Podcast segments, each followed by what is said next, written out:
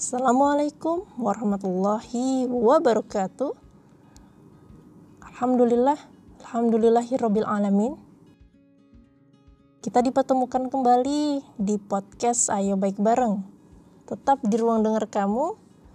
Insya Allah ini pada tanggal 19 Mei 2020 kita akan membahas tentang mahligai Ramadan. Mahligai, apa yang dipikirkan mahligai? Ya, mungkin pikiran kita akan sama. Mahligai itu sepertinya berhubungan dengan hal-hal yang berbau asmara atau cinta ya. Oh, menarik sekali. Ya. Apakah saudara suka membaca artikel-artikel tentang pernikahan? Saya sendiri jarang sebetulnya. Cuma kebetulan saja ini ketemu sebuah tulisan yang berjudul The Seven Stage of Marriage di Reader's Digest. Jadi Menurut sang penulis yang sudah melakukan banyak riset dalam urusan rumah tangga, rupanya umumnya pasangan menikmati indahnya pernikahan sampai tahun kedua. Fase ini disebut dengan honeymoon stage. Menginjak tahun kedua, mulailah muncul kekecewaan dan konflik. Jika masing-masing pasangan tidak sanggup bertahan dan tidak mau menerima kekurangan masing-masing, maka tahun ketiga akan semakin terjal dan menuju keretakan. Oleh karena itu, perpisahan biasanya terjadi pada tahun ketiga karena membiarkan konflik tersebut terus terjadi. Saudara setuju dengan artikel tersebut? Bro and sis, teman-teman semuanya? Atau belum terlalu tertarik nih tentang membahas tentang cinta atau asmara? Ya, ini sebetulnya bahasannya agak sensitif, apalagi tentang pernikahan dan pasangan ya. Tapi tidak apa-apa. Apa pun itu, ilmu itu bisa kita gali, kita pelajari sehingga kita semakin luas pandangan dan semakin bijak insya Allah dalam menentukan sikap. Apakah teman-teman setuju dengan artikel tadi? Balik lagi ya. Semua itu kembali kepada kita lagi. Mungkin ada saja sedikit perbedaan karena riset tidak dilakukan di Indonesia. Namun, justru kita akan menemukan persamaannya dalam perjalanan Ramadan. Lihat saja, umumnya kita menikmati indahnya Ramadan pada 10 hari pertama. Fase ini bagaikan honeymoon stage. Puasa semangat, terawih penuh gairah, dan tilawah pun melesat jauh.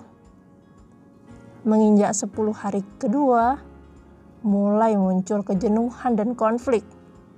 Yang umum itu konfliknya dengan malas, dengan acara-acara bukber, dengan shopping, dengan persiapan hari raya. Nah, barangkali hal-hal yang seperti ini diminimalisir ataupun tidak terjadi ya dan dialihkan ke rumah ke rumah saja. Um, untuk acara-acara bukber mungkin dialihkan dengan kulwap ataupun e, ngezoom gitu.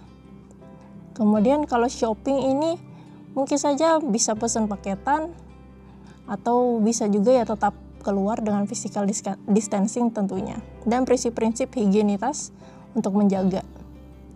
Kemudian jika kita tidak sanggup bertahan dan melakukan pembiaran dari semua itu, maka akan semakin terjalah itu dan menuju keretakan.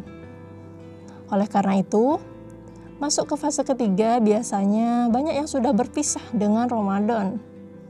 Padahal bulan mulia ini masih tersisa 10 hari lagi. Ya, kalau misalnya di tanggal ini berarti tinggal menghitung hari saja ya bro and. Sedikit sekali, sebentar sekali. Nah, Sekali lagi, semua itu diawali karena pembiaran dengan konflik kita di 10 hari kedua. Seperti sekarang. Sedikit demi sedikit melupakan tadarus. Pelan-pelan meninggalkan tarawih. Jangan dibiarkan semua ini. Fase kritis ini harus kita hadapi dengan akal yang jernih. Tetap waras ya bro and sis.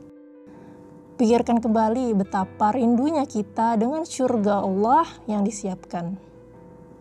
Renungkan kembali tentang impian yang belum tercapai dan masalah-masalah kita yang sedang diajukan ke hadapan Allah untuk secepatnya diuraikan. Kita akan menemukan bahwa Ramadan adalah jawaban dari semua hal ini. Maka, perlahan kalahkan segala kejenuhan.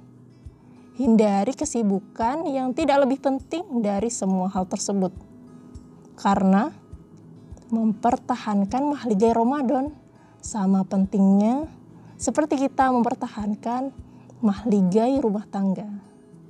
Insya Allah, ya untuk yang mendengarkan ini barangkali berbagai usia, ada yang belum memiliki pasangan, ada yang sudah memiliki pasangan, bahkan memiliki keluarga dan sudah punya anak, atau mungkin sudah punya cucu.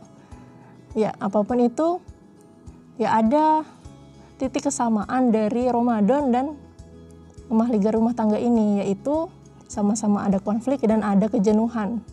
Maka bersiaplah dan segera urailah konflik itu, jangan dibiarkan sehingga kita dapat melewatinya dengan penuh kesungguhan, kesabaran, dan kebahagiaan insya Allah.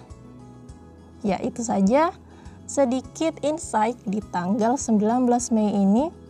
Semoga dapat diambil manfaatnya dan kita bisa memaksimalkan detik-detik terakhir penentuan semangat kita di 11 bulan ke depan. Tetap di ruang dengar kamu bersama Ayo Baik Bareng. Barakallahu fikum. Wassalamualaikum warahmatullahi wabarakatuh.